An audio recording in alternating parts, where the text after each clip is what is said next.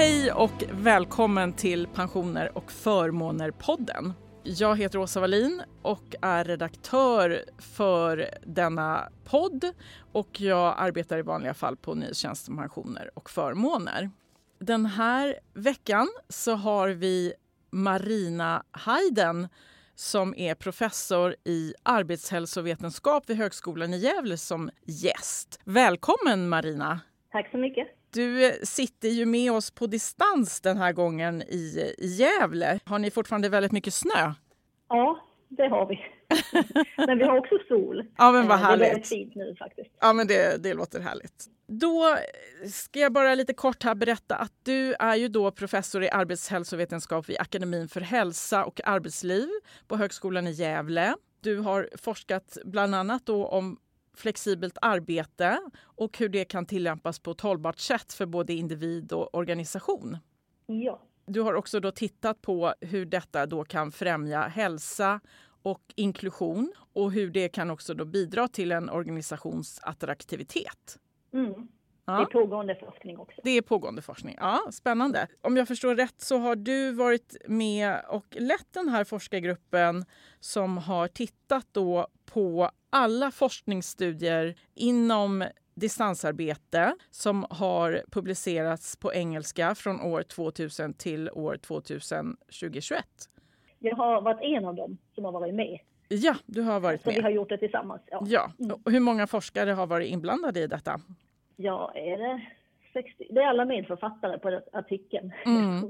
Mm. Så. så. det är ett gäng helt enkelt. Ja. Och, och det ja. ni har tittat på det är då 43 vetenskapliga artiklar och där har ni då analyserat sambandet, eller de här artiklarna har analyserat sambandet mellan distansarbete och produktivitet. Mm. Och vi ska alldeles strax få veta lite mer om, eh, om resultaten av eh, de här analyserna. Men om vi börjar då med distansarbete, vad är fördelen enligt vad säger forskningen helt enkelt? Mm. Den största fördelen med, för den anställde är att den kan styra sitt arbete mer. Till exempel genom att göra vissa arbetsuppgifter hemifrån, om den kan jobba mer ostört Sen har studier också visat att personalen upplever att de är mer produktiva och mindre utmattade när de distansarbetar. Och mm. det i sig kan, kan vara kopplat till att de kan styra sitt arbete mer. Så finns det en annan sida, det är arbetsgivarens sida också. Där kan det vara en fördel att lokalerna kan användas mer effektivt och de kan också dra nytta av att personalen får mer gjort i sådana lägen. Mm. Idag är det dessutom stor efterfrågan på distansarbete. Så arbetsgivare som erbjuder det, de blir mer attraktiva och har lättare att rekrytera den kompetens de behöver. Så många fördelar helt enkelt, tycker jag det låter som. Ja. Tänker det finns också några nackdelar. Vad säger forskningen mm. där? Precis. Nackdelar som man har funnit är att anställda kan uppleva mer social isolering och mindre socialt stöd när de distansarbetar. Och det förekommer också i studier att man upplever att ens karriärutveckling försämras jämfört med de som då inte distansarbetar. Mm. Och det var ju från individperspektivet, alltså från den anställde.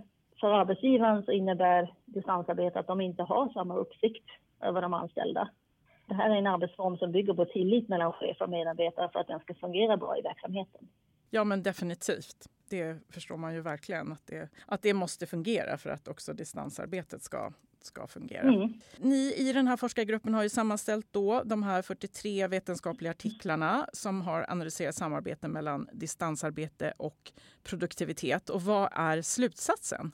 Vi har tittat på tre olika sorters utfall i den artikeln. Dels har vi undersökt upplevd produktivitet och dels har vi tittat på objektiva mått på organisatorisk prestation och dels har vi tittat på personalomsättning, både avsikt att byta jobb och faktisk personalomsättning. Ser man på de tre sakerna separat så ser vi att de flesta studierna vi gick igenom, de hade hittat ett samband mellan distansarbete och högre skattad produktivitet. Mm. Man tyckte alltså att man var mer, mer produktiv när man distansarbetade. När det sen gäller de objektiva måtten på prestation så är det lite mer blandade resultat, även om fler studier visade positiva samband än negativa. Och det vi kunde se då var att studier som gjordes på en viss sorts yrken, till exempel callcenterarbete, och som då använde utfallsmått som var specifika för det yrket, till exempel antal samtal man tog emot. De visade ofta positiva samband. Mm. Men om man tittar på studier som täcker flera olika sorters verksamheter och som därför fick använda mer generella mått på prestation, till exempel avkastning på arbetskraft, de visar inte lika positiva samband.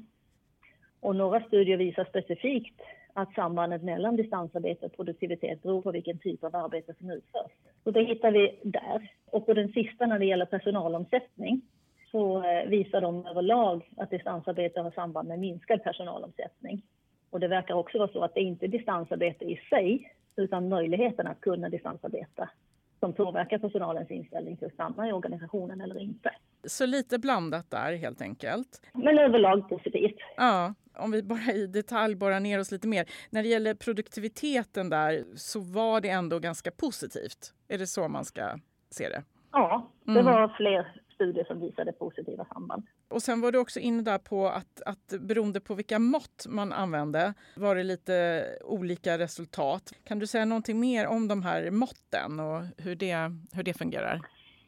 Alltså måtten inom det här området, det finns en stor variation i vilka mått man använder på prestation, alltså på en organisation eller ett företags prestation. Mm. Det mäts ju beroende på vilken bransch man är i och vilken verksamhet man har. Och därför var det en väldig spridning i de måtten också. Och det var den mönstren vi kunde se att beroende på vad man hade undersökt och valt att titta och mäta organisatorisk prestation som, mm. så hade det betydelse för vad man hittade. Men just de här mer objektiva måtten, då var det ändå, det, det var då ganska tydligt att det var en ökad produktivitet? Överlag, ja. Mm. Mm. Inte lika tydlig som självskattad produktivitet. Då. Nej. Och sen så, om jag minns rätt här, var det det här måttet när man, du sa där till exempel då avkastning på arbetskraft. ja, mm. att det var inte kanske riktigt lika positivt, var det så? Ja. Och vad kan det bero på? Har, har du någon tanke vad det kan finnas? Ja, det vet jag.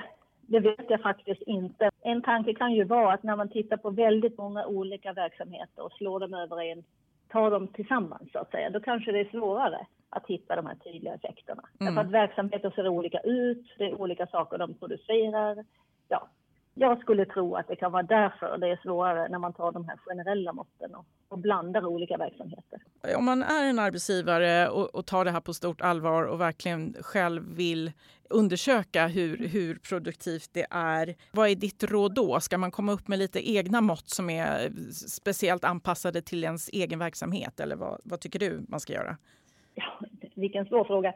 Alltså, det är ju inte så att man är ute efter att hitta effekt, alltså positiva effekter. Man måste ju titta på studier utifrån, ger det någon, har det någon effekt eller inte? Mm. Um, när det gäller just en viss verksamhet så kan jag ju tänka att om den verksamheten är intresserad av vad det här ger för effekter i den verksamheten så verkar det ju rimligt att använda mått som rör just den verksamheten. Mm.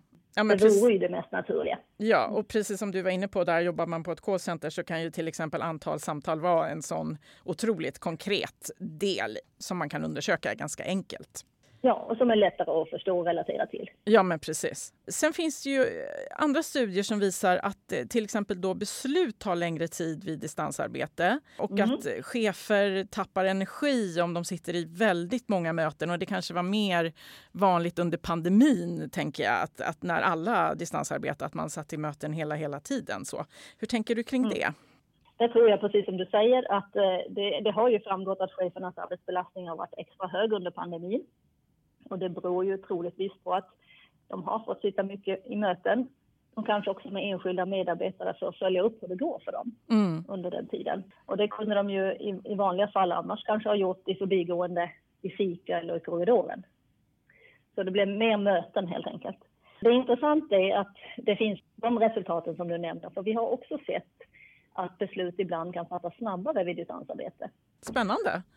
Ja, och då berodde det enligt cheferna på att man samlar inte in lika mycket underlag inför besluten. Tröskeln för att ringa upp någon på Teams eller Zoom, den är liksom högre än att knacka på någons dörr eller prata med någon i mm. fikarummet eller i korridoren. Och därför gör man inte det och då blir besluten snabbare fattade men inte lika grundade. Så. Och det är en nylig publicerad studie som vi har tittat på. Ja, det är både för och nackdelar även där kan man säga. Ja. Sen vår förra gäst som vi hade tidigare här i år var då Sjunde AP-fondens vd Rickard Grötheim och han har skickat med en fråga till dig och då undrar han om distansarbete är så effektivt som många hävdar att det är. Ja, inom det här området så förekommer det väldigt mycket åsikter, mer eller mindre grundade på fakta. Jag tänker att effekterna av distansarbete måste man se både från individens och organisationens perspektiv. Och om det här ska vara ett hållbart sätt att arbeta så behöver det balanseras så att det gynnar båda sidor. Jag skulle inte säga att det är endera bra eller dåligt. Jag tänker att man måste se på det från två sidor och man måste se på det utifrån den verksamhet det handlar om. Mm. Han undrade också om det går att säga någonting. Vad är liksom bästa fördelningen när man både ibland är, arbetar på fysiskt på kontoret och ibland på distans?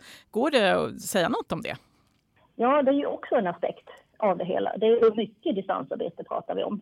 Ja, de är inte så många, men det finns studier som har undersökt effekten av mängden distansarbete. Och de visar hittills på att varken för mycket eller för lite är optimalt vare sig för produktivitet eller kreativitet. De visar också att det finns inte en lösning som passar alla. Vi har sett till exempel att anställda i genomsnitt önskar arbeta hemifrån två och en halv dagar per vecka. Mm. Men det handlar inte heller bara om antal dagar på distans, utan det handlar om hur de förläggs i tid. Om dagarna läggs helt och hållet utifrån varje individs behov så kan det innebära att kollegor aldrig träffas på kontoret. Just och då behöver man ju fundera på vad är syftet med kontoret och hur ska det användas för att verksamheten ska fungera på ett bra sätt. Det är verkligen värt att tänka på faktiskt. Ja, ja men jag, jag, förstår. Det är mycket att tänka på helt enkelt. kan man säga. Ja. Är det någon typ av arbete som absolut inte lämpar sig för att göra på distans?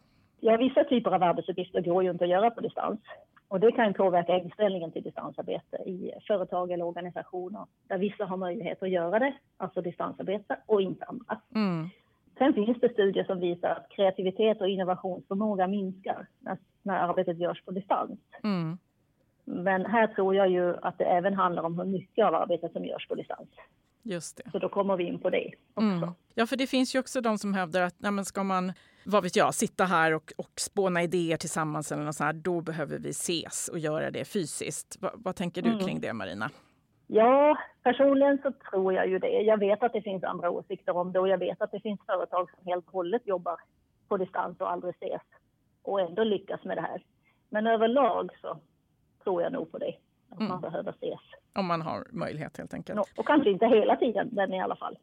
Ja. Någon gång. Är det någonting i era slutsatser här från forskningen som har förvånat dig? Eller kanske inte slutsatserna, men i, som ni har kommit fram till här när ni har sammanfattat eh, forskningen här?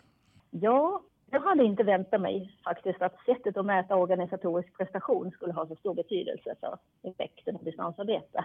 Nu är inte det mitt område precis det här med hur man mäter organisatorisk prestanda och prestation. Men det var ju andra medförfattare som var bättre på just det. Mm. Men jag hade inte väntat mig det i alla fall. Det sätter dock fingret på svårigheten att få ett entydigt svar i den här forskningen och varför olika studier kommer fram till olika slutsatser. Och det är någonting man kanske kan ha med sig nästa gång man läser en studie som kanske mm. själv säkert säger att det är så här eller det är si eller så. Att det mm. beror lite på hur man mäter också. Mm. Det, man bör titta på det också. Ja, nej men det, det ska i varje fall jag verkligen ta till mig. Ibland eh, tycker jag att det har kommit fram att, eh, att det kan vara extra utmanande att vara chef eller ledare. I, eh, det kom ju fram bland annat under pandemin att det fanns vissa utmaningar helt enkelt att, att chefa på distans. Vad tänker du kring det? Det har man sett i flera studier, eh, särskilt under pandemin. Det är ju betydligt svårare för chefen att följa upp hur medarbetarna mår. Och det är ju lättare för medarbetarna att dölja hur de mår när de distansarbetar. I värsta fall kan det betyda att arbetsmiljöproblem och hälsoproblem inte upptäcks förrän ganska sent och då är det svårare att åtgärda. Det är viktigt här att hitta strategier för att kompensera för det, särskilt om nu personalen distansarbetar mycket, tänker jag. Mm. Nej, men det är en väldigt bra tanke kring det, tycker jag. Och du är ju forskare och där tänker jag att det kan, det kan vara tillfällen där det finns stor möjlighet till distansarbete. Vad är dina erfarenheter och vad tycker du fungerar bra och mindre bra med distansarbete? Ja, från eget perspektiv. Jag tänker, för mig har det också utvecklats. Före pandemin distansarbetade jag i snitt en dag i veckan och nu blir det ofta två dagar i veckan. Så jag har ju också ökat det mm. sen den här perioden. Men under pandemin då distansarbetar ju i princip alla hos oss på heltid. Och då upplevde jag som de flesta nyhetens behag i början. Men det la sig ganska fort för min egen del. Det blev ökad mängd Zoom-möten dagarna och så blev, kom Zoom-tröttheten också. Just det. det var liksom, man tappar sugen lite grann. Men jag upplevde också att jag hade inga problem att jobba online med de kollegor som jag kände väl till sen förut. Det gick alldeles utmärkt. Men de som kom nya under den tiden fick man inte samma kontakt med. Så det är väl min erfarenhet under pandemin. Nu när man är tillbaks, om ännu lite mindre då, eftersom jag distansarbetar lite mer, så tycker jag ändå att balansen mellan att arbeta hemifrån och på kontoret är bra. Jag tycker det går bra att styra så att jag gör arbetsuppgifter som kräver mycket koncentration. Det gör jag hemma, hemifrån och så gör jag arbetsuppgifter som kräver samverkan med andra ner på kontoret. Så igen... Det tycker jag är positivt. Ja, Ja. Är det något som du annars ser som en utmaning när det gäller distansarbete? Förutom det här då med nya, nya kollegor och så. Ja, det beror ju också igen då på hur mycket man distansarbetar. Mm. Om jag personligen skulle distansarbeta och fortsätta som under pandemin så skulle nog eh, tappa sugen eh, lite. Det går ju bra att göra sånt som man alltid har gjort. Det här lilla extra och det nya, eh, det skulle nog falla bort lite tror jag. Ja, men precis. Jag tror många delar din, eh, din eh, uppfattning där, hur, hur det är, att, det, att man behöver träffas också. Och då till min nästa fråga där. För en del eh, arbetsgivare har ju uppgett att det, det är, finns också utmaningar med att, att få de anställda att vilja komma tillbaka till kontoret. Vad ska man göra, tycker du? Ja, det var en av de svåraste frågorna, tror jag. jag tänker att det beror mycket på vilken typ av arbete man har. Mm. Och så beror det på hur prestationen i det arbetet mäts. Mm. Så om, om arbetet är huvudsakligen individuellt och prestationen är liksom summan av alla individers egen prestation, mm. då är det ju jättesvårt att motivera anställda som tycker att de arbetar mer effektivt hemifrån att komma tillbaka till kontoret. Ja. Men om prestationen bygger på gemensamma insatser från medarbetarna, och man säger att det begränsas lite av att många arbetar mycket hemifrån, då finns det argument för att man behöver komma till kontoret, mm. tänker jag. Mm. I anslutning till det här så tycker jag det är viktigt att man pratar om vilken arbetsmiljö man vill ha i verksamheten och att man gör en avvägning av både individens och gruppens behov när man tar fram de här riktlinjerna man har för distansarbete.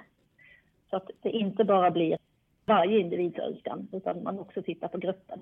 Ja, men väldigt bra råd tycker jag. Annars är det kanske lätt att man utgår mest eh, antingen från individens eller från gruppens perspektiv. Så att det, det är ju mm. viktigt att få med båda delarna där, verkligen. Om det nu då är någon som känner att ja, men vi behöver få till ett mer produktivt distansarbete. Det, har du något sista råd här till en sån arbetsgivare?